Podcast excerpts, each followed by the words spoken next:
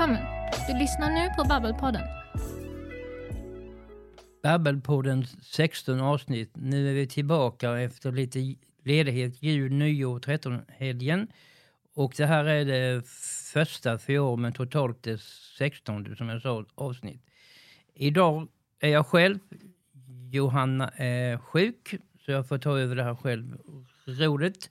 Jag kommer att prata upp om Melodifestivalen 2024. För det närmar sig ju med mm, stormsteg. Det är vecka tre nu. Slutet på vecka fem så kommer första deltävlingen att arrangeras i Malmö. Och där har man ju redan talat om hur det kommer att se ut, vilka som ska starta i året. Det är Adam Watts som går ut som nummer ett i år med Supernatural, heter hans bidrag. Och sen är det ytterligare fem bidrag till i Malmö. Och jag behöver kanske inte berätta alla för det tar ju en evighet. I deltävling två som är placerad i Göteborg den 10 februari. Där det också, liksom tidigare, sex bidrag. Och i deltävling tre som kommer att arrangeras i Kronoberg. Växjö för första gången. Om det är första gången, det kan jag inte riktigt svära på. Men jag tror, för jag har inte hört talas om att det har gått tidigare i Växjö. För Växjö hade ju, som ni vet, hade ju Musikhjälpen för drygt ja, det är för några, ja, tre veckor sedan kanske det är nu. Tiden går så man håller inte koll på det. Och nu har de fått en ny ära att arrangera um, en deltävling i Melodifestivalen också. Och den fjärde deltävlingen, då tar vi oss till Eskilstuna. Och det är ni som kanske inte vet var Eskilstuna ligger. Det är ju uppe i Mälardalen, kan man säga. Närmare Stockholm. Sörmland tillhör det landskapet. Och sen har vi ju nu för år så ska det ju också vara deltävling um, fem. Och den ska vara i värmländska Karlstad. Men den har två uppdelningar. Man har först en deltävling och sen har man ett, som man säger i sporttema, eller i, i time, där, man kallar det för slutspel. Och det kan man kanske inte säga i, i musiksammanhang, men, men det är så att man kommer ha då eh, semifinal och, och final så som man haft lite tidigare. Men det är ett helt nytt upplag. Så jag är inte helt införstådd med hur det kommer att se ut. Och där är, går ju sista bidraget ut i år. Det är Medina som har varit med tidigare med Que Sera. Heter årets sista bidrag i eh, Melodifestivalen.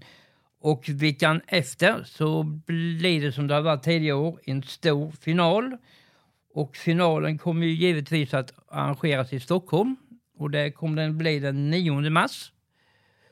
Och därefter får vi se om vilket bidrag som ska eh, respektera i, i revision.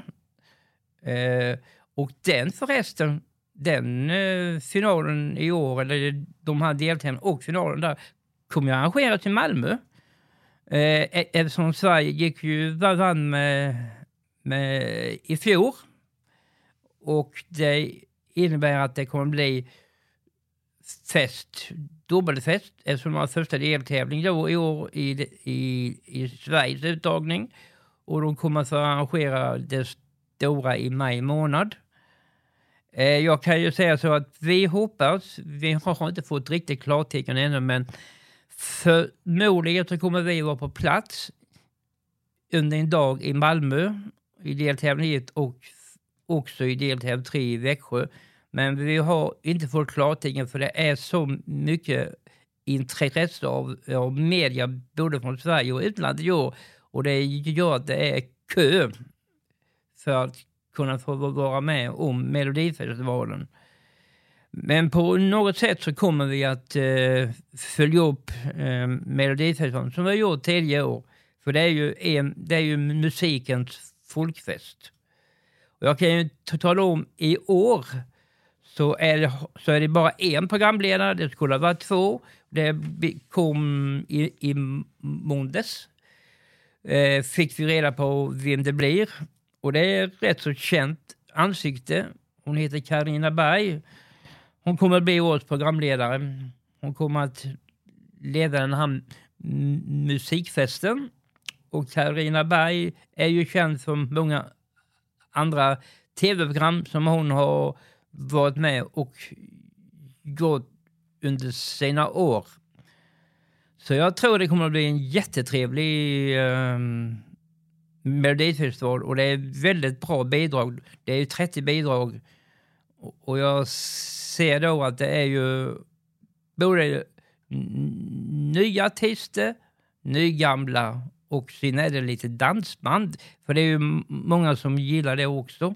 Så jag ser fram emot detta när det startar om två veckor.